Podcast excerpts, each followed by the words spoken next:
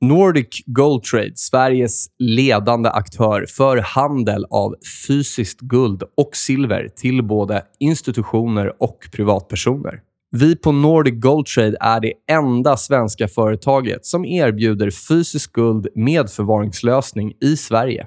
Förvaringen sker genom Loomis Sverige AB som sedan länge varit anförtrodda med att förvara delar av Sveriges riksbanks tillgångar. Nordic Gold Trade kan nu även erbjuda andelsguld. En produkt som gör det möjligt för vanliga sparare att investera och månadsspara i fysiskt guld. Något som tidigare varit exklusivt för stora professionella kapitalförvaltare och förmögna privatpersoner. Genom Nordic Gold Trade köper du riktigt guld klassat som investeringsguld, vilket gör köpet undantaget från moms. När du vill kan du öka din investering i tackan för att en dag äga den helt själv eller sälja av ditt innehav när det passar. Besök oss på nordicgoldtrade.com för mer information.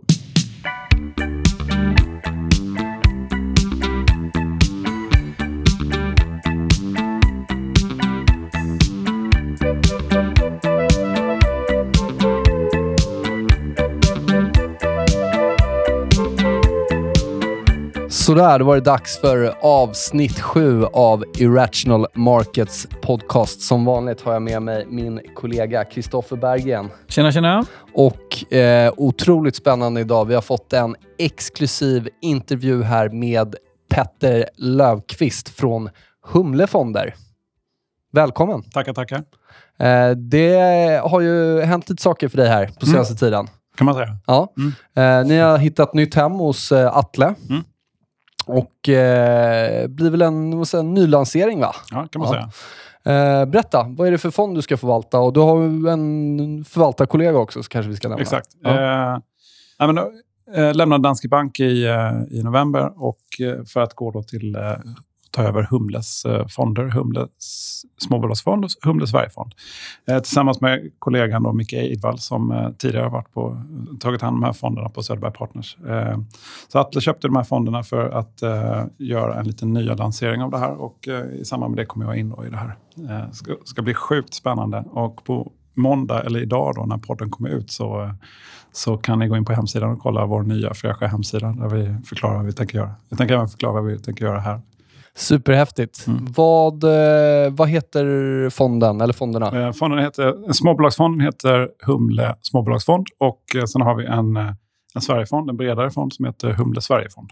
Så Och de fonderna. misstänker att de kommer man hitta Du- på de, flesta hitt- plattformar. Ja, de hittar du där fonder finns. Eh, de, the usual suspects, Avanza och Nordnet. Och, eh, Saver kan du hitta den på. Och så vidare och så vidare. Härligt. Mm. Vi hoppar väl in på en gång. Ja, vi kan ju... Hur liksom hamnade du... Du sa att du kom från Danske här och Mm. jobbat där några år. Hur, Mm. hur ser liksom resan ut? När började du din karriär? Och liksom, ja, Ja, berätta om din aktieresa kan man säga. Eller förvaltarresa. Nej, men, eh, egentligen började mitt aktieintresse liksom någon gång på högstadiet gymnasiet, eh, kan man ju konstatera. Där jag köpte min första aktie eh, som var SCA, kommer jag ihåg. När var det här i tiden då? Ja, det här kan ha varit 1990 tror jag. Ja. Eh, A-aktien köpte jag av någon anledning. Eh, eh, tjänades lite snabbt 4 kronor på mina 50 aktier. Eh, kände mig som en kung på det där eh, eftersom det var en ganska bra kort avkastning. Eh, kan bara konstatera att liksom, så här i efterhand att jag kanske skulle behållit de aktierna istället. Eh, eftersom liksom, när kursen har gått från 5,50 till eh, 145 spänn och så fått lite S i utdelningar på vägen. Liksom. Men, men aktieintresset har funnits sen, sen, eh, eh, sen tidigt. Liksom. Eh, och det kommer från familjen. Liksom. Min pappa är gammal entreprenör och sådär. Eh, men pluggade på Handels i Göteborg och eh, liksom, fortsatte nära det där intresset med var börsrum och grejer. Liksom, och hamnade efter plugget på Carnegie på, eh, på analysavdelningen där. Där jag satt på verkstad och metallteamet. Eh, mitt under liksom, när IT-håsen var som härligast. Så Det var ingen som ville prata med Nej, dig. ingen, nej, dödens väntrum kallar de eh, verkstadsrummet. Och vi satt. Eh, Men det var en väldigt, väldigt bra skola liksom, att komma in på Carnegie. Och liksom, mitt i liksom, brinnande börshås är ju väldigt spännande att komma in i marknaden, får man säga. Eh, men lämnade liksom analysvärlden efter redan två år. För jag, tycker att liksom, det är lite för, jag tyckte det var lite för reaktivt att sitta och bevaka bolag. Så man, jag ville komma närmare affären och hoppade in på, på korpsvängen. Eh, och eh, till Arthur Anderson, eh, Vila i frid, det gamla bolaget som fanns. Eh, som, som hade en internationell liksom, låda som körde M&A i Europa. Eh, som höll på att jobba med M&A i några år där. Eh, eh och det sjönk ju med förskräckelse när Enron gjorde vad de gjorde. Just det, det var revisions... ja, revisionsfirman. Ja, så var det. Eh, mm. Så att, hastigt så befann eh, vi oss på korpen helt plötsligt hos finska Evli. Mm. som, som köpte den nordiska korpverksamheten. där satt jag några år och tröskade eh, corporate finance eh, rådgivning. Eh, mycket nordisk småbolags M&A. Eh, men liksom, någon gång 2007 så bestämde sig för Evli för att sätta upp eh, en fondförvaltningsverksamhet. Jag hoppade in i den, eh, som, först som konsult från Corpen för att sätta upp en private equity-fond i fond. Eh, den sket sig i och med Lehman och subprime-krisen som, eh, som drog stopp i den, den processen. Men samtidigt hade jag satt upp en småbolagsfond eh, som, som förvaltades av Henrik Söderberg som sitter på Sea Worldwide idag. Eh, han var där väldigt kort tid, men jag, han eh, eh, jobbade ett tag med honom som någon typ av sidekick, eller inte sidekick, mer eh, analysstöd kan man säga. Och eh, när han lämnade då för att gå till Sea Worldwide så fick jag ta över fonderna. Eller den eh, småbolagsfonden. Eh, det var så jag hamnade i, eh, i den här branschen. Då. Sen satt jag på Evli under fem år, körde den fonden, fick eh, bra avkastning i den, fem stjärnor i Morningstar. Eh, eh, Alfred Berg hörde av sig, när var det, 2013. Och för då skulle eh, legendaren Gunnar Lindberg som eh, hade kört småbolags och fastighetsfonden där under liksom, 20 år. Han skulle gå i pension. Eh, så fick frågan om att komma dit och ta över den. Eh, och körde den i fem år tills Danske hörde av sig för att sätta upp den här småbolagsfonden som jag förvaltat nu de senaste nästan tre åren. Då. Eh, där mandatet var att bygga upp en, en småbolagsfond från scratch med ett eh, hållbarhetsfokus eh, på danska. Eh, jättespännande möjlighet. Men en ännu mer spännande möjlighet som, som jag sagt till eh, min chef Gustav, som vi hade ganska mycket diskussioner under lång tid, att, att eh, eh liksom, Timingen att lämna kanske var, kan ha varit bra eller dålig, men det, det här var för spännande för att liksom, eh, inte ta, att, att hoppa på omlanseringarna av underfonder fonder med, med det fokuset på, på hållbarhet som, som vi vill liksom promota den här eh, investeringen tillsammans med den liksom, investeringsstrategi som jag haft på mina tidiga firmor tidigare. Då. Så att, eh, sjukt spännande möjlighet. Vi kommer ju definitivt komma, komma in och prata den förvaltningen. Men jag vill bara backa bandet lite. Hur ska jag säga, var det förändring att komma från analys och korpsidan till att faktiskt börja ta risk och vara ansvarig förvaltare? Uh, hur, hur, var, hur var den resan, eller den förändringen? Ja, men den, liksom, eftersom jag har hållit på att investera mina egna pengar liksom, parallellt eh, så har jag varit liksom, eh, van att ta risk. Den, är liksom, den risken är högst påtaglig. Liksom. Och, eh, eh, nej, men den var kanske inte, den tycker inte jag var speciellt jobbig. För att jag har ändå trott på att den liksom, fundamentala syn jag har på aktier, att, att liksom, vinster och aktiekurser över tid hänger ihop. Hittar du bolag som har förutsättningar att växa och äger dem över tid så, så blir det ganska bra. Liksom. Så, så, och den stämde rätt väl överens med liksom, den korta skolan jag gick med Henrik Söderberg som hade ännu längre erfarenhet från, från marknaden. Att hans, hans liksom, eh, liksom, käpphäst var just det, liksom, vin, leta bra vinsttillväxt. Liksom. Så att, eh, och koppla det då till min fundamentala syn till hur man tittar på bolag och tittar lite längre sikten.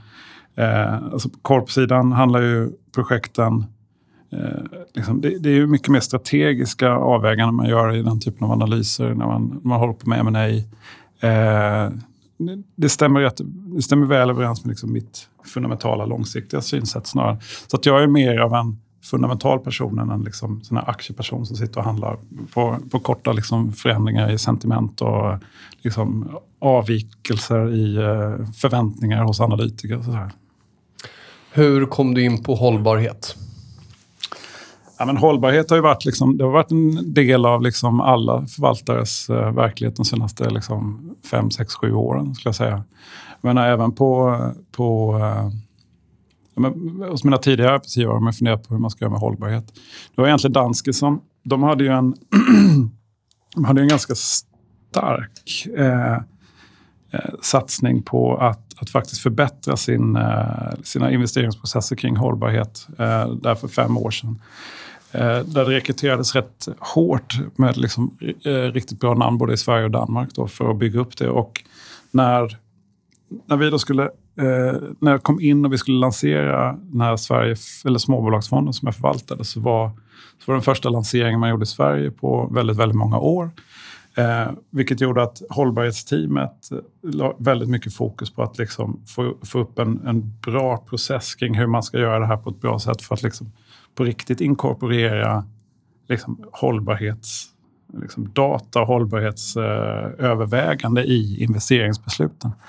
Så att, eh, jag får tacka Danske för den, att, att, liksom, att, att det blivit på riktigt. För att jag känner att liksom, tidigare arbetsgivare, och det var ju längre tillbaka i tiden, där, där var det väldigt mycket liksom, att hållbarheten man hade en hållbarhetsansvarig eller ett hållbarhetsteam som var lite på sidan och sen satt eh, förvaltarna någon annanstans och sen så eh, gjorde man sina jobb på varsitt håll och någon gång i månaden så träffas man och så säger, säger någon nej från något håll. Och så, det, ble, det blev aldrig bra. Liksom, det, blev, det, det, är liksom inget sätt som jag tror främjar avkastning. Att liksom det, där, det måste vara en del av investeringsbeslutet. Liksom. Men hur har, för jag kan tänka mig att det har hänt väldigt mycket på fem år inom det här området. Ja, otroligt. Hur har processen för att hitta ESG-bolag, om du spolar tillbaka till fem år, mm. till hur det ser ut nu, hur mm. har den processen förändrats? För jag kan tänka mig att det finns analysverktyg och så vidare nu som kanske inte fanns på samma sätt tidigare. Ja, verkligen.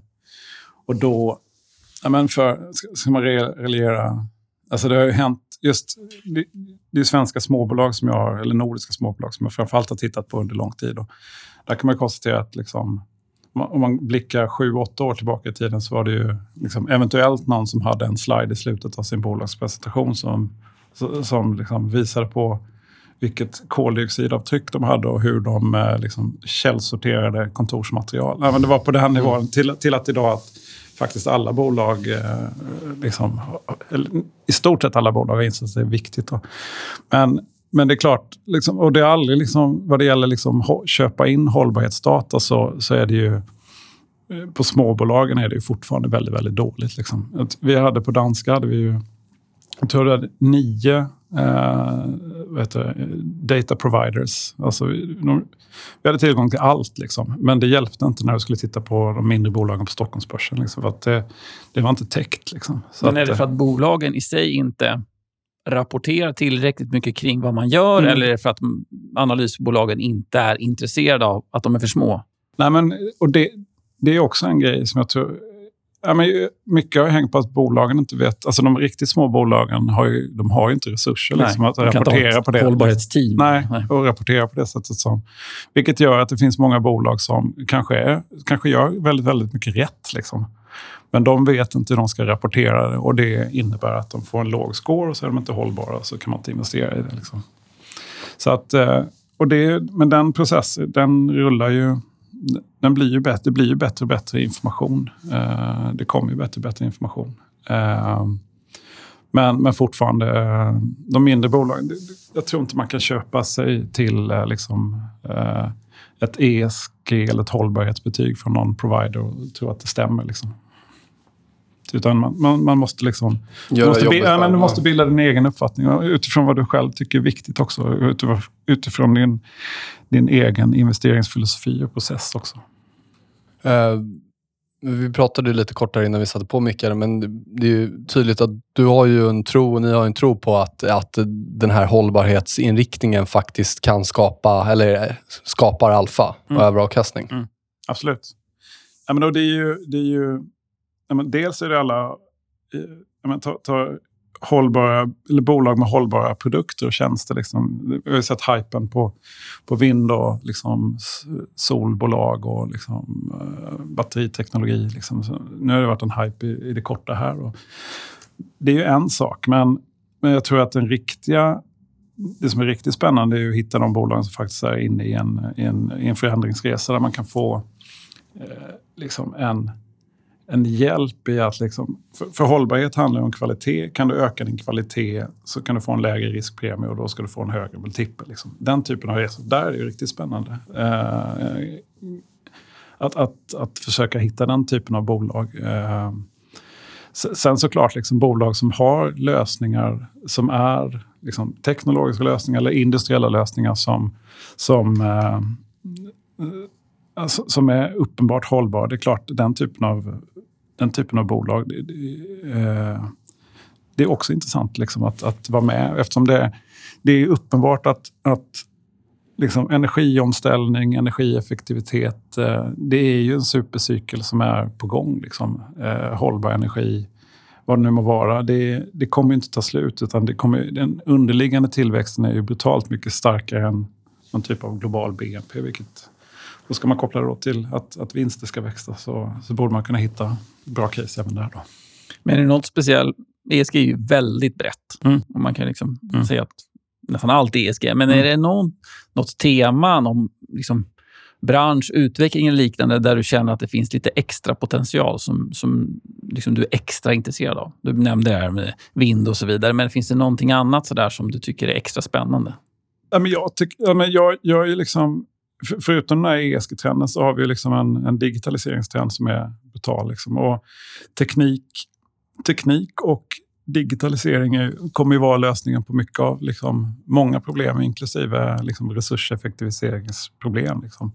Så att eh, liksom, jag brinner ju för, för den typen av bolag av skäl att liksom, eh, liksom, har du teknik eller liksom, mjukvarurelaterade bolag så för mig som aktieinvesterare så det fina med de modellerna är att de är så sjukt skalbara. Liksom. Alltså man, ska, jag menar, man vill gärna hitta bolag som har en, en sjuk skalbarhet, liksom, höga bruttomarginaler och en fin tillväxt på toppen. Liksom. Kan du, eh, kan, liksom, så att, så att jag, jag, tror att mycket av liksom, hållbarhetscase finns i teknologisektorn eller liksom medicin, tech, medtech-relaterad industri också. Liksom. Hållbarhet liksom handlar ju också om att, att, att, att eh, alltså S i ESG, att, att eh, förbättra förutsättningar för människor eh, leva. Eh, där eh, där liksom, liksom vård, vårdkedjor, vårdkvalitet, allt sånt kan förbättras. och det hittar man ju liksom medicinteknik-delen av, av, av börslistorna. Och där, Eh, där har du också samma fina, härliga, skalbara modeller, ofta med liksom höga bruttomarginaler. Och liksom. Så jag tycker man ska leta där. För liksom, de här hype-casen vi har sett, liksom, där du handlar vissa bolag till EV-sales tusen hittar jag något i mina screens. Liksom. Eh, det är inte där man ska leta, tror jag. Eh, och för min del så, så de här rena förhoppningscasen, eh, de... Eh, jag, jag, missar gärna de första 100 procenten om det är någonting som ska gå 3000 procent. Eller jag missar till och med de första 500 procenten. Liksom. Eh, ur det perspektivet. Vad skulle du säga är de vanligaste missuppfattningarna du stöter på med ESG och hållbarhet? Nej, men jag tror att det är väldigt stort fokus bara, eh, på, på enbart liksom miljö. Och, eh, och, och, det är ju ett större, det är en större sak än så. Titta på eh, FNs globala hållbarhetsmål. Eh, så, så, så täcker ju de inte bara rent vatten och koldioxid utan det är ju eh, liksom, jämställdhet och utbildning och liksom allt vad det är. Eh, så det, det, är ett väldigt, väldigt brett eh, eh, vad heter det? Begrepp. Ja, brett, brett begrepp, mm. ja. Precis. Så att... Eh, eh, och det är klart... Eh, ja, men miljö och liksom miljöförstöring och eh, liksom climate change och allt vad det heter. Det, det är lätt att ta till sig och lätt att, liksom, eh, eh, lätt att sätta fingret på. Liksom, eh, och det är såklart också eh, lätt att förstå eh, liksom vad... Eh, liksom, alltså eh, ett, ett, eh, ett vindkraftbolag, det är ganska lätt att förstå att, att vind är bättre än kolkraft. Liksom. så att, så att, det är, att, att bredden i hållbarhet är liksom större än bara miljö. Det är väl en vanlig grej man möter tror jag.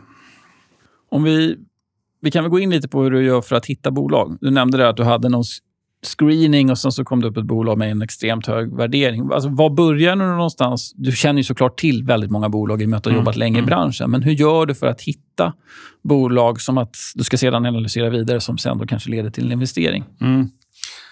Ja, men rent generellt, om min, liksom, och titta på, ja, på, på, svenska bolag. Vi har ju 270 bolag på Stockholmsbörsen som är småbolag och sen så har man eh, Spotlight då, och eh, First North och NGM eh, som adderar några hundra bolag till. Så det är ju en jättebred. Vi har, eftersom jag jag är ju fundamentalist i det att jag tror på liksom att vinsttillväxt och kvalitet är något som, som eh, över tid genererar avkastning. Så har jag en, jag har en kvantitativ screen eh, som tittar just på det. Eh, Eh, uh, Topline-tillväxt, titta på marginalutveckling, titta på eh, avkastning på kapital och sen så tittar vi på, eh, också på skuldsättningsgraden. De fyra parametrarna. Eh, och det kan man ju liksom plocka ut ur Bloomberg eh, för de flesta bolag.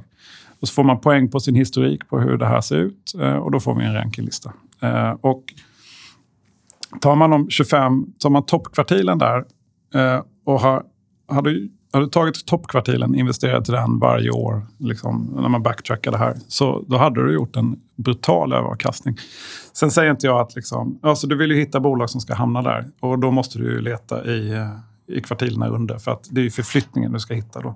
Så att jag, den här kvantitativa screeningen eh, och så får man ta bort allt som inte går att investera för det är för litet eller eh, så vidare. Så, och titta på den där rullande kvartalsvis så kan man, få, kan man se när bolag börjar röra sig och då liksom kommer de upp med en lista för att liksom börja fundera på dem. Då. Men det är, det är ju bara liksom för att liksom trätta ner liksom hela det här mega-universet till något hanterbart. Sen, sen handlar det om eh, möten med bolagen. Bolagsmöten är ju, det är ju för mig det viktiga. Att, att uh, sitta ner med bolagen och krypa bolagen under skinnet och förstå var de, vart de är på väg just ur ett strategiskt och ett, liksom ett långsiktigt perspektiv. Det är många, som har, många förvaltare som har sagt det i den här podden. Mm. Träffa bolag och så vidare. Men om vi blir ännu mer konkreta. Vad är det du vill se? Vad är det du vill höra när du de facto träffar ett företag? Ja, men dels vill jag liksom först, dels vill jag ha en bild. Jag vill ha deras långsiktiga syn på... Eh, jag ställer, när jag går in i ett möte ställer jag alltid frågan vad, vad, vad vill ni vara om tre och fem år? Liksom, och försöka diskutera utifrån det ramverket snarare än att liksom, vad kommer hända med bruttomarginalen i liksom, eh, division X eh, och varför avvek den 0,2? Det är helt ointressant för mig. Eh, det intressanta för mig är liksom, den strategiska positionen idag. Vart står bolaget idag? Vilka strategiska utmaningar har de eh, och vilka marknadsmässiga utmaningar har de? Vilka liksom, konkurrensmässiga utmaningar eh, ser de och hur har det förändrats och vad tror de, så, hur tror de att det här ska förändras going forward och vilken position kan bolaget ha i en sån här förflyttning? Liksom. Och utifrån det så får man... Eh, så, så, så, så det Eh, så har ju de en kommunikation kring att liksom man har sina finansiella mål. Alltså det rimmar, ska alltid rimma med deras finansiella mål såklart. Men, men, men den typen av frågeställningar och diskussioner kan ofta liksom, eh, ge input liksom, vart det finns tillväxtförutsättningar. Vilket kan ge en conviction att faktiskt lägga en mer positiv syn än vad bolaget har själva i, i, eh, eh, i, i, sina, liksom, i det de kommunicerar ut. Liksom. Eh, och sen det då i kombination med att man inte bara träffar ett bolag, utan träffar konkurrenten här och så liksom kunden här. Och så kan, får man lägga pusslet i att liksom, för att då, då, kan du lägga ett pussel och får input från ett bolagsmöte du har här kan ge input till ett, ett bolag du liksom tittar på här borta. Och liksom hela det här pusslet är ju... Eh, det blir ju liksom... Det är det jag lägger in som min, min liksom långsiktiga data, syn. Liksom. Ja, min ja. långsiktiga och, det, och Ska man vara helt konkret så är det liksom inte svårare så att jag...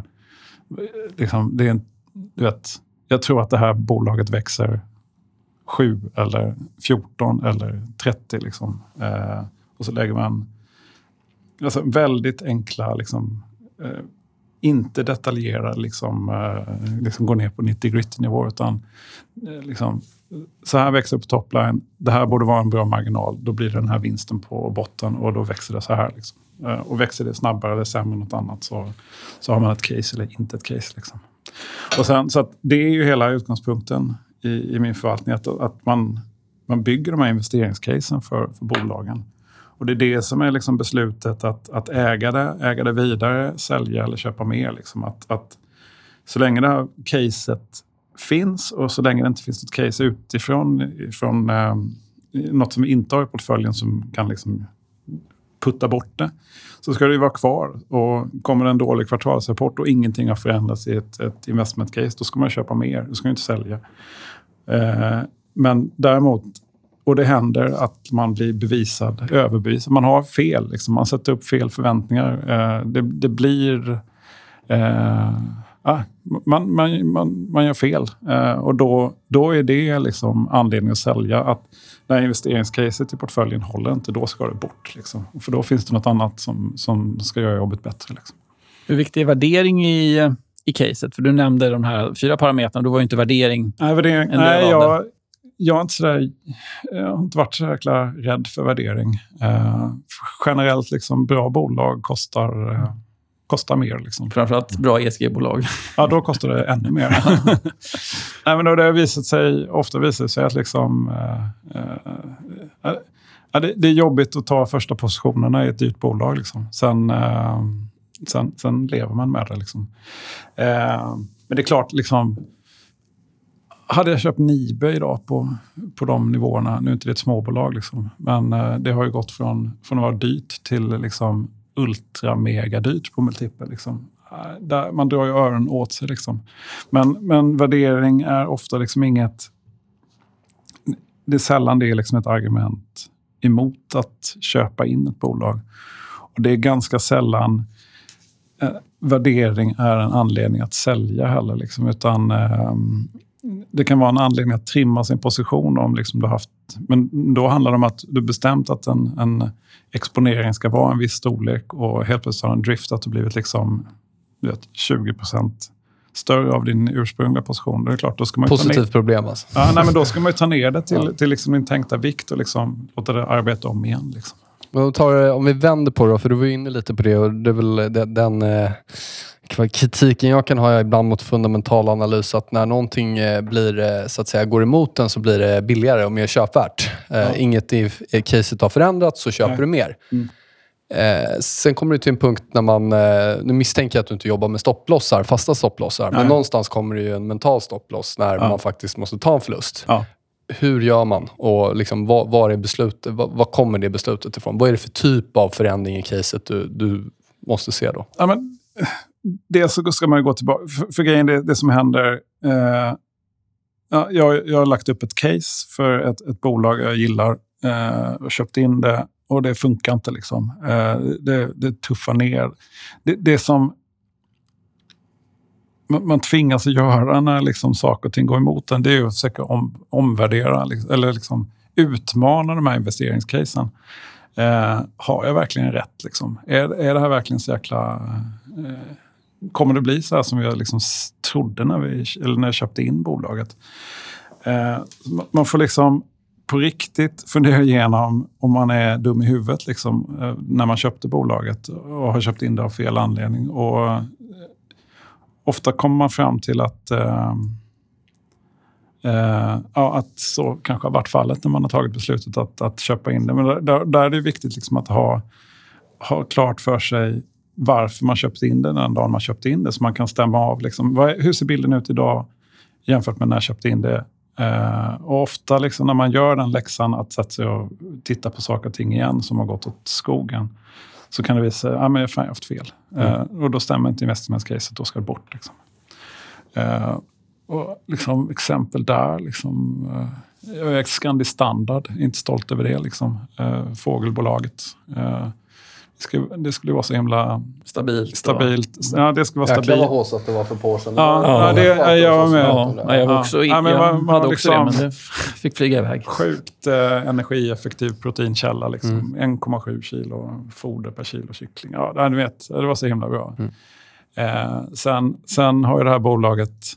Eh, det har visat sig att liksom, det är inte stabilt. Det är liksom... Eh, andelen fryst versus färsk kyckling, hur den kvoten ser ut, det är inget man kan veta innan och det liksom ställer till det. Sen amöbor och fågelinfluensor mm. och allt vad det är, liksom campylobacter liksom, som bara dyker in från sidan. Liksom. Eh, men vi, vi fortsatte tro på det här bolaget lite för länge och sen när dessutom det här bolaget är eh, världsmästare i liksom justeringar av ebit så liksom, eh, vid något läge så så, bara, gick vi tillbaka och tittade varför har vi köpt det här. Är det så? Nej, det är ju inte så. Då, ska man liksom, då får man sälja liksom. Men det är också ett problem, och det är ett problem jag själv har också, det här att man inte ser befintliga investeringar som... Alltså det är en, du har en alternativkostnad. Mm. Pengarna som ligger i, i det här fallet Scandi Standard, ja. de skulle ju kunna, även fast inte det är något kraschbolag, mm. men de skulle kanske kunna göra bättre nytta någon annanstans. Ja. Men det är svårt att ta det steget, att mm. liksom tänka att okej, okay, här är bara en bromskloss egentligen. Ja. De här ska in Nej, något tillväxtcase det är något, något som växer eller ja. liksom något som bara är bättre. Liksom. Men jag tänkte på det här med värderingar. Det, det, är lätt att säga att värderingar inte har någon betydelse nu när dyra bolag har blivit ännu dyrare och ännu dyrare och ännu dyrare. Mm. Men en väldigt hög värdering ställer också väldigt höga krav på bolaget. Det är inte speciellt förlåtande om Nibe inte skulle fortsätta leverera Nej. så kommer ju marknaden till slut liksom börja straffa bolag. Då straffas de ju ordentligt. Ja. Det såg man ju. Liksom, ibland blir det såna här försäljningar i mm. högt värderade bolag. Hur, mm. hur ser du på den risken och liksom, hur hanterar du den typen av... För det sker ju lite då. Ja. Mars till exempel, då såldes jag av ordentligt överallt. Men tillväxtcase fick ju riktigt mycket stryk. Ja, absolut. Nej, och det, det, har ju, det händer ju såklart. Och det, såklart det är en funktion. Att, att motivera de här ultrahöga multiplarna. Det går ju liksom, med de här, den här lågräntemiljön vi har så är det, mm. liksom, det, det, finns ju en möjlighet att... Men det är precis som du säger, det, det går ju båda vägar om man inte liksom, eh, eh levererar på det som är förväntat. Eh, nej men där är ju... Jag jobbar ju väldigt mycket med i portföljen eh, att liksom, vi har ju bestämt utifrån övertygelsenivå och utifrån hur stort bolaget är och vilken likviditet som finns då, så, så ska vi ha en, en viss storlek på position. Eh, eh är tanken då. Att liksom, någonstans mellan 3 och 5 procent liksom, i, i alla bolag. Vi, vi, vi ska ha 35 till 40 bolag i portföljen. Så mellan 3 och 5 procent i, i alla innehav. Liksom. Eh, och den typen av bolag när saker och ting liksom rallar iväg då. Helt plötsligt väger det 6 Ja, men sälj ner det till 5 procent då. Eh, eh, så att, och, och fortsätter multipeln gå, sen går upp till 6 procent igen, sälj ner till 5 procent, då har du ändå säkrat hem den, de pengarna och spytt ut det på, på resten av portföljen. Så, så att ur ett portföljperspektiv kan man jobba liksom med, med liksom någon typ av rebalansering av liksom risken. Så att man får se det utifrån ett portföljperspektiv eh, som förvaltare. Men, men det är klart att eh, sitter man i den typen av bolag så då får man ju smällar när det händer. Liksom. Eh, eh, och den, det, det, måste man ju vara beredd på då. Eh, och liksom, men det som kan hända då, på att komma tillbaka till värderingsfrågan då, att, att, att när saker och ting... Ja, ta ett, ett, ett Sinch som vi ägde i, eh, i Danske Bank-portföljen då, som den växte och växte och växte. Eh, där vi just av liksom skälet att, att investeringscaset liksom förändrats också. Det såg bättre ut. Så kunde man flytta upp liksom den här vikten man ville ha i den.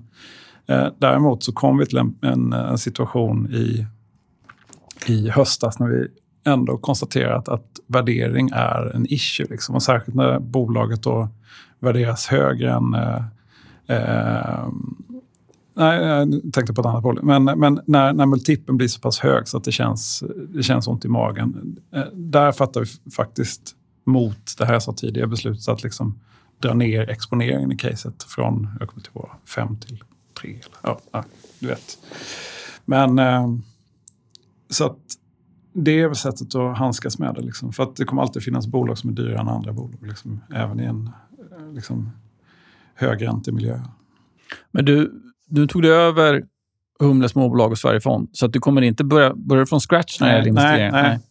Utan eh, Småbolagsfonden har ungefär 2 miljarder i underförvaltning. Eh, och den fonden har funnits länge. Mm. Eh, en, eh, ett, ett 40-tal bolag och sen Sverigefonden är lite mindre, då, 400 miljoner. Eh, så de tar vi över, eller tar jag över. Mycket har varit med tidigare. Då. Eh, och även innehav, nuvarande ja, innehav? innehaven följer ju med. Då. Så att de får jag har ju sett tänderna i eh, första februari. Eh, och eh, eh, ja, det ska bli intressant att eh, ta sig an det.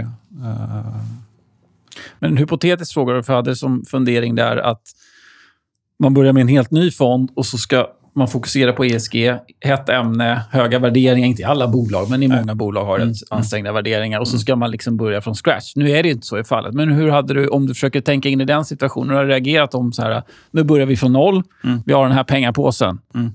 Ja, starta din förvaltning. Hur hade du liksom tänkt i banorna av att okej, nu ska jag börja från noll här, det är, det är höga värderingar. Hade det varit ett problem eller hade du bara kört på som vanligt?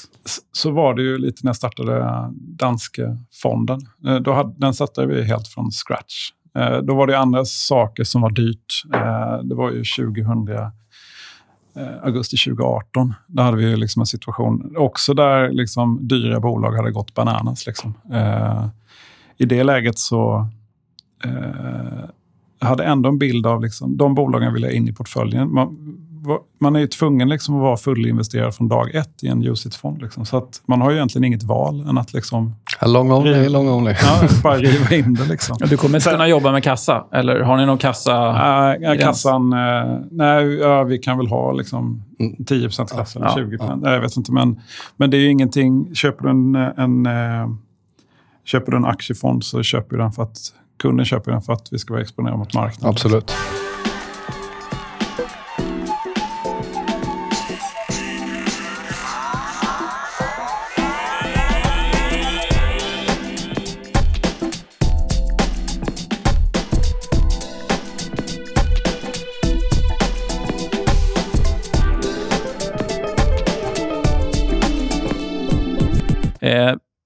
Vet du, det här är ju helt nytt, så att vi ska inte gå in på för specifikt kring bolag eftersom vi vill inte driva kursen här med 50% innan du får köpa in dig. Men om du pratar i generella termer, har du några bolag i universet där ute, Norden, som du tycker ser lite intressanta ut? Ja, vi kan väl säga så här att, att eh, nu tar jag över en fond som eh, ser lite annorlunda ut mot den jag körde på danska som jag lämnade här för ett tag sedan. Eh, och där finns ju eh, finns stort överlapp i många innehav som, som jag gillade innan och som man kan gissa att jag kommer fortsätta gilla här, här framåt.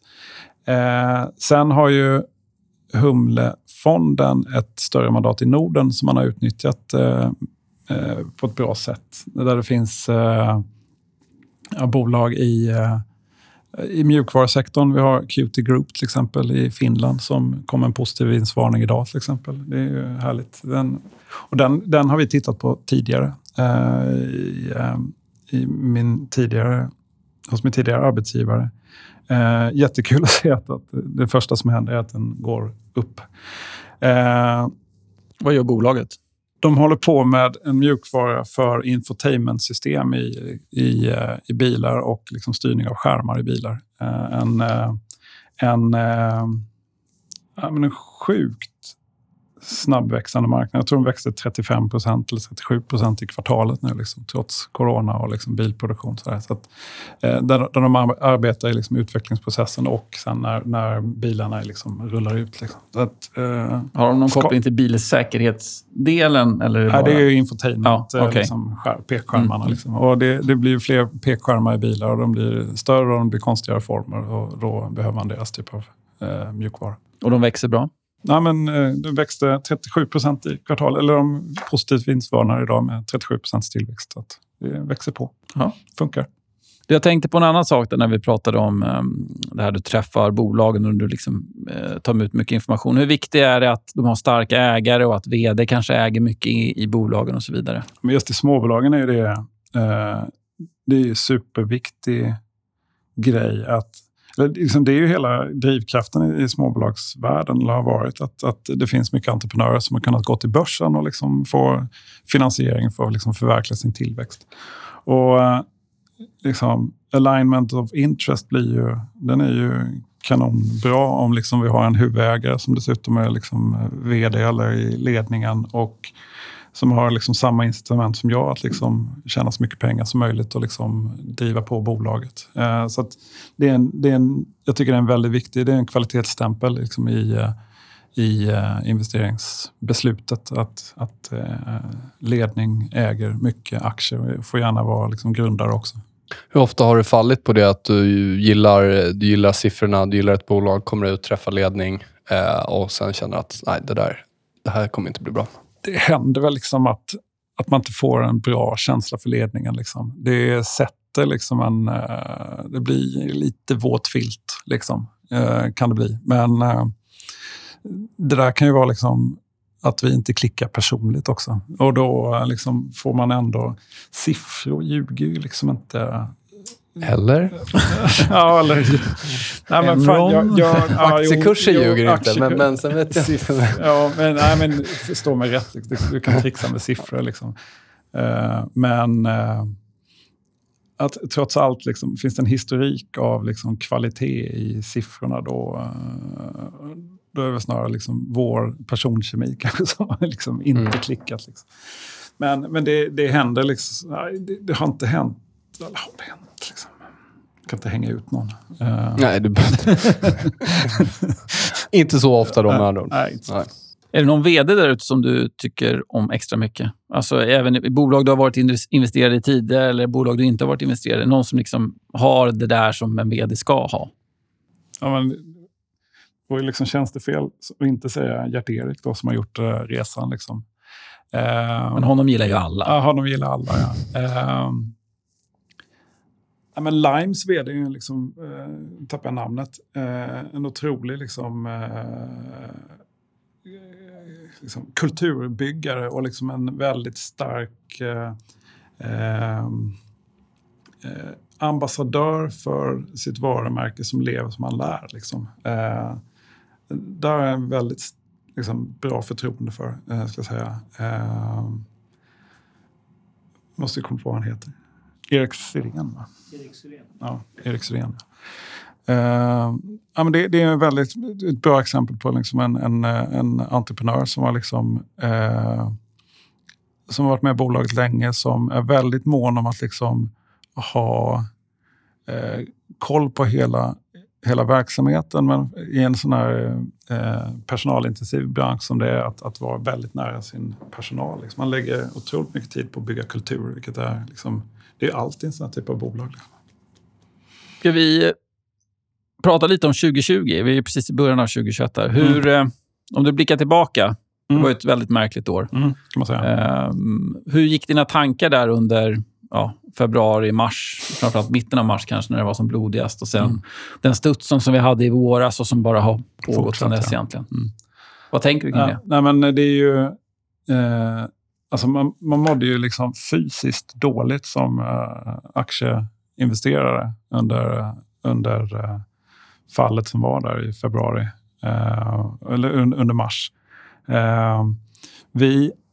Liksom, och liksom det här att, att, att osäkerheten var så monumental. Liksom, med liksom vad, vad är det här för virus? Hur dödligt är det? Liksom, vad innebär lockdowns? Vad, vad händer med försörjningskedjor? Liksom, kommer det ta stopp liksom, i, i, eh, i hela näringslivet? Liksom? Eh, eh, men osäkerheten var brutal. Det, det som vi gjorde då när vi satt i det på Danske var ju att liksom titta igenom hela portföljen utifrån liksom, vad fan händer liksom om, om man tappar 50 procent av försäljningen liksom, i alla bolag. Liksom går det fortfarande att räkna hem casen om det skulle kunna komma tillbaka 2021 i någon mån och sen så liksom framåt. Och kunde konstatera att liksom fallen i, i en del bolag var orimliga liksom utifrån hur, eh, hur, eh, hur det fundamentalt såg ut. Liksom. Så att det blev Liksom, Dometic var ett sånt exempel. Det hade jag som case eh, under hela hösten. Liksom, att, att det var ett sånt case som fick brutalt stryk. Liksom. Eh, där, eh, även om man liksom plockade bort eh, 50 procent vinst i det där bolaget i två år så liksom gick det oerhört lätt att räkna hem. Och, det, och de fick ju liksom hjälp sen när, när alla de här lockdowns gjorde att liksom man, skulle, man skulle hemestra och man skulle, man skulle köpa kajaker och husbilar. Och liksom, eh, så den, den blev ju väldigt hett. Eh, men man må, men eh, så att den, den, det var ju läxan man försökte göra då. Sen om man vågade köpa på den, äh, det krävdes rätt mycket hår på ryggen för att liksom trycka på knappen i mitten på mars. Liksom. Även om liksom det bara var två veckor till vändningen, när nu vände 24 mars. Eller 23. det visste man inte. Det, ja, det visste ju inte det. Nej, det hade krävts så sjukt mycket hår på ryggen. Eh, men, eh, men det man ändå kunde konstatera var att liksom, det fanns ju vissa branscher som, som var dömda att liksom inte ja, må bra liksom, med fysisk retail. Nu satt vi inte inom fysisk retail. Men eh, liksom hotellrelaterat med Pandox som vi hade lite skett, Liksom. Det åkte ut. Liksom. Eh, sen å andra sidan, den, den comebacken som var, eh, ja, men, den är väl eh, eh med de beats som kom i, eh, i kvartalsrapporterna i var det Q2, eh, där analytiker i vanlig ordning drar ner liksom förväntningarna, sina förväntningar alldeles, alldeles för mycket och sen så slår bolagen det och sen så är vi igång och sen så kommer alla stimulanser som, mm. som vi fick från, eh, liksom från länder och liksom ECB och Fed eh, som, som klart har eldat på den här marknaden. Liksom. Det, eh, det har varit eh, eh, ett, ett väldigt spännande, spännande år på alla sätt och vis. Man säga. Satt du som förvaltare under finanskrisen eller du var analytiker då? Du? Ja, eh, vi satt, nu ska vi se, för när, jag vill lansera, nej jag satt inte som, jag hade inget eget förvaltningsansvar. Däremot så, då satt jag ju på Evli tillsammans med Henrik Söderberg som precis hade startat en småbolagsfond som började med att falla 44 procent. Liksom. Eh, så var ju med den eh, resan ner i som kollega. Liksom. Vi hade ju, jag vet att det var vissa frågor som vi pratade om innan här som, som du inte liksom, tyckte passade riktigt hur du eh, förvaltar. Mm. Eh, och då kommer jag osökt in på den här makrobiten ändå. För de sakerna du nämnde här, det var ju ändå makrofaktorer får vi mm. ändå, mm. Liksom, eh, mm. får vi ändå konstatera. Och du mm. säger liksom att överreaktionerna var kraftiga i många av bolagen. Mm. Eh, hur lätt är det, blir det inte då, då, är man ju någonstans där ändå inne och tänker på de bitarna ändå. Hur lätt är det att skära bort hela den biten då? Makrobiten? Ja. Nej, men det, nej, men det kan man ju inte göra.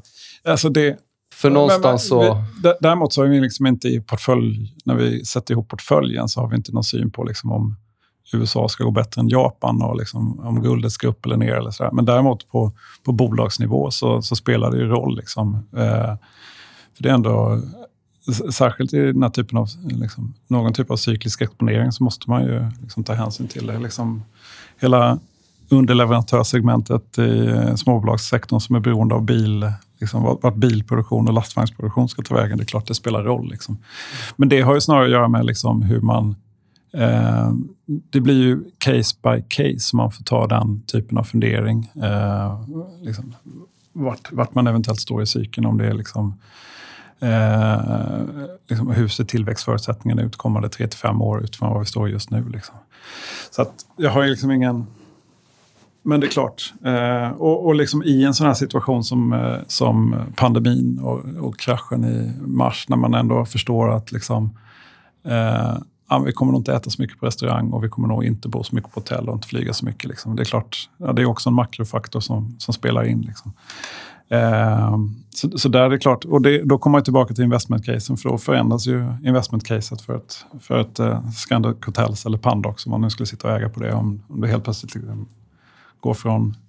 Liksom, om du tappar 80 procent över natten liksom, i beläggning, liksom, såklart. Uh, så på så sätt får man ta hänsyn till, till, till makro. Liksom. Du följer inga specifika makrodata? Nej, inte mer. Liksom, du vet, man, man läser de här morgonbreven som kommer från... Uh, men sen Sen vad, vad det innebär för liksom, svenska småbolaget specifikt, det, det, blir ju ganska... Det blir mer för vad, vart börsen eventuellt ska ta vägen eh, i det korta. Liksom. Hur ser du på den här rapportperioden då, som vi har dragit igång nu? Det har ju kommit en del vinstvarningar innan. Eh, man ser bolag som kanske inte riktigt levererar som, som marknaden vill, blir ganska straffade. Mm. Eh, vad, hur går tankarna kring rapportperioden? Är det något speciellt du vill se i de bolagen du, du är intresserad av? Nej, men man vill ju... Eh, rapporter som sådant är ju, det är ju bara en, det är en kvartalsavstämning. Liksom. Eh, så rent generellt så så nej, men det är klart man vill se att, att bolagen fortsätter... Eh, liksom att, att påverkan från corona fortsätter... Att, att inte den på något sätt förvärras och att, liksom, att det inte finns några indikationer att, att saker och ting framåt kommer att vara värre. Liksom. Nu är förhoppningarna väldigt mycket på liksom att liksom, vaccinationer och grejer ska liksom få få det här på fötter igen. Eh, Nej, alltså rent generellt, ja, liksom, kvartalsrapporter är ju ofta... För mig är kvartalsrapporten väldigt mycket bara... Det, det blir en avstämning av vad saker och ting står och går just nu. Liksom. Eh, lägger, eh, liksom, det, det det ger är ju att det är informationstillfällen ofta. Det är många småbolag som inte rapporterar så himla mycket. Så det finns en möjlighet att faktiskt läsa saker och ting eh, och få lite mer kött på benen. Eh, Möjlighet att agera också kanske? Ja, att, att likviditeten liksom kommer upp. Liksom. Eh, om man liksom är på väg åt något håll såklart. Jag tänkte du nämnde det där med likviditet. Ja. Eh, om vi säger nu att likviditeten inte är en faktor för att gå in i ett, ett nytt bolag. Mm. Går du in successivt eller tar du allting på en gång? Nej, det går ju inte att ta allting på en Men gång. om vi säger att det skulle gå? Ja, Skulle men du hellre nej, nej, ta nej, allt jag på en gång? Jag skalar hellre. skalar hellre. Ja, jag skalar hellre in. För att liksom det där med, det där med marknadstiming, det är, det är så jäkla svårt. Liksom. Tycker jag i alla fall. Eh, Men är det mer en mental grej än att du tror att det är vad ska vi säga, mer lönsamt att skala in? nej, men det, är nog, det är nog en mental grej, tror jag. Att... Eh, att eh, Det är jobbigt att ta allt på en gång. Ja, för, för liksom, står den 5% lägre imorgon, då har jag fattat fel beslut. Liksom. Mm. Eller... Då har du även gjort om det står 5% högre. Om du... Alltså, om, jag, om jag skalar in, ja. ja, om jag du vet. tar Ja, allt vet. och den Ja, står så- 5 högre så är det Ja. bättre än att skala. Ja, Men, eh, nej. men du har hellre, vad ska vi säga, risktänket finns ja där. risktänket är ju där. Och sen, nej, men sen dessvärre är det ju inte så att man kan ta. Det är, sällan, nej, men det är sällan man kan ta. Men där, alltså, såvida inte det är liksom i riktade emissioner och den typen. Där har man ju möjlighet att liksom få på sig en större eh, position direkt. I, liksom I IPO-situationer och riktade emissioner när man får möjlighet att vara med och eh, ankra. Liksom. Då är det en annan sak. Liksom. Men då, då, får man ju ta, då har man ju... Då, då är ju likviditets, liksom, eventet där och då. Och då får man ju ta beslut om man vill vara med eller inte. Liksom. Eh, så att vid, i, i sådana lägen så hoppar man på. Sen, sen klart är det också så att, att, att man vill... Man vet att man vill in och det kommer ett, ett stort block och det är sjukt illikvitt. Då får man ju slå till. Liksom. Men, men ska man köpa över marknaden så brukar jag skala in det. Liksom. Över liksom en vecka eller något. Eh, du har ju varit med länge i branschen och har säkert stött på flera förvaltare under den tiden. Vad är det som liksom definierar en bra förvaltare för dig? Vilka egenskaper ska en bra förvaltare ha? Ja, men för det första så, så du måste ha ett sjukt aktieintresse för det första. Eh, du måste vara... eh, Nu, nu tänker jag på små, nu utifrån småbolag. Enligt din ja, gebit. nej, men, Ja. nej, men var, Du måste ju vara rejält intresserad av aktier. Liksom. Tycka, leva och äta aktier. Liksom. Eh, för det är, det, är något, det, det händer saker hela tiden. Eh, det är väl en, sen vad det gäller liksom de mindre bolagen så, så handlar det om att vara nyfiken. Liksom. Eh, för just på småbolag så har man ju möjlighet att faktiskt eh, bygga sina egna case på ett annat sätt än vad man kan göra i de stora bolagen tror jag. Eh, så nyfikenhet är väl annat. Sen eh, ur mitt fundamentala perspektiv så handlar det mycket om att vara uthållig. Liksom, att, att tro på dina case och liksom vara eh, var, var, var sann mot, eh, mot, mot dig själv. Liksom, och inte låta andra fatta beslut åt dig. Liksom. Det är ju liksom, hög integritet liksom, vad, stå för vad du gör. Liksom. Det här med tro på case, det är någonting som jag själv brottas med. Jag har alldeles för många aktier. Mm. Men jag har väldigt svårt att bara äga åtta aktier. Mm. Eh, och du nämnde det här Ska med att köpa en tro... fond? Ja, ja, jag är min egen fond. Men du, du nämnde det här med att man tror på sina case, Ja. men ändå så har fonden 35 innehav Ja. ungefär. Mm. Om vi nu säger, återigen, likvidperspektivet, det är inget problem. Mm. Hade du hellre då fått äga 10 stycken, om vi säger att fonden också tillåter den koncentrationen, än att äga 35 bolag? För att av de här 35 så är inte alla 35 är inte samma favorit, så att säga. Du kanske har topp 5. Ja. Eh, jag tror ändå liksom... Så, så den, den, som, som jag är som riskperson så skulle jag ändå hellre ha en li, lite större portfölj. Just av det faktum att liksom, jag, jag tror det är så sjukt svårt att taj tajma marknaden också. För att då har du en, en portfölj på tio bolag så ska du liksom, med rätt timing skicka ut det här bolaget för att plocka in något annat. Liksom. I, eh, i för att komma tillbaka till det här med att du kommer få smälla på värderingar eller liksom någon eh, liksom knasig rapport som skickar ner någon aktie någonstans. Eh, så är mitt, mitt, mitt sätt att se på investeringar är så pass långsiktigt att liksom, jag vill liksom aktivt bygga värde hela tiden. Liksom. Och framförallt se till att liksom när marknaden smäller, att man inte tappar allt för mycket. Liksom. För liksom har man ett långsiktigt perspektiv på investeringar och är bättre än de allra flesta när, när marknaden viker. Eh, då behöver du inte vara i liksom absoluta toppen eh, liksom när, när marknaden bullar utan eh, eh har, du inte, har du inte tappat så mycket som resten av konkurrensen eller liksom, eh, där ute under, under liksom riktiga bear markets, då, då, då kommer du generera bra värde över tid. Liksom. Så att jag, jag ja, men just av marknadstimingsskäl eh, som jag är usel på och sen eh, ur ett riskperspektiv så, så, så, tycker jag liksom det är rätt bra att ha en eh, lite mer diversifierad portfölj. Liksom. Tror du att förvaltning generellt hade blivit bättre om förvaltare inte hade blivit jämförda mot ett index och sina konkurrenter? Eller att bli jämförd mot en konkurrent, liksom en trigger för att hela tiden vara bättre? Förstår du vad jag är ute efter? Att det kan vara ett stressmoment. Du var själv inne på det. Ja. Att man hela tiden jämförs med andra och jämförs med ett index och kunderna klagar. Ja. Ni levererar som index hit och dit och så vidare. Ja. Ni kostar pengar. Kvartal eller månadsavkastning. Tror, du att det tror du att det är ett hinder för förvaltning generellt? Ja, men det här med jämförelseindex kanske är liksom... Ja, men fan, det, det är ju sunt med liksom att, att tävla. Liksom. Mm. Uh, jag tycker... Jag håller koll på konkurrenterna där ute. Liksom vart de, inte, inte hela tiden, inte realtid och dagsvis, liksom, men liksom att, att titta på liksom hur man ligger till mot konkurrenterna och liksom, eh, eh, känna att man behöver jaga i fatt eller liksom att fan, nu kommer någon och snart biten i, liksom, där bak. Liksom.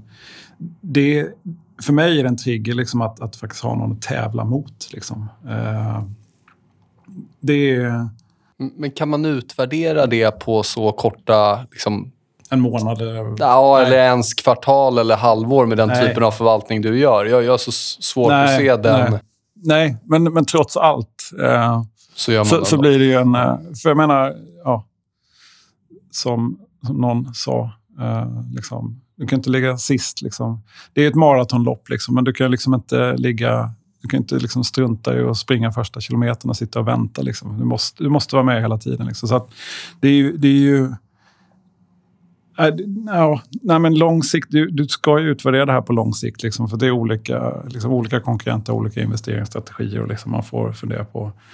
Men, men trots allt, liksom, du, måste, du måste vara och jaga kvartal för kvartal i alla fall. Liksom. Och det är ju det. Kunderna är ju... Alltså, Nej, men kunderna utvärderar de är på, efter det. Ja, men de, att... de, tar, de får ett årsbesked. Liksom. Så att, liksom, även om kalenderår spelar egentligen ingen roll. Liksom. Men det är ändå så att liksom, nu får man sina eh, du får dina årsbesked. Bara. Ja, det är jätteviktigt vad som har hänt mellan... Eller liksom, ja. ja. Ja, det har varit ett superspännande samtal det här. Vi börjar komma mot slutet, men jag tycker ändå vi ska knyta ihop den här säcken så, så vill jag någonstans eh, ställa frågan, vad, vad är hållbarhet för dig och varför är det så viktigt om vi ska liksom, eh, sammanfatta lite? Ja, men hållbar, hållbarhet är en förutsättning för, eh, för alla att liksom vara med och bidra till en, till en bättre värld. Eh, både vad det gäller miljö och vad det gäller sociala egenskaper, vad det gäller liksom, eh, i bolagsstyrning, ESG. Då. Vi, eh, det finns ju väldigt ambitiösa mål liksom, från FN. Vi har Parisavtalet Parisavtal etc.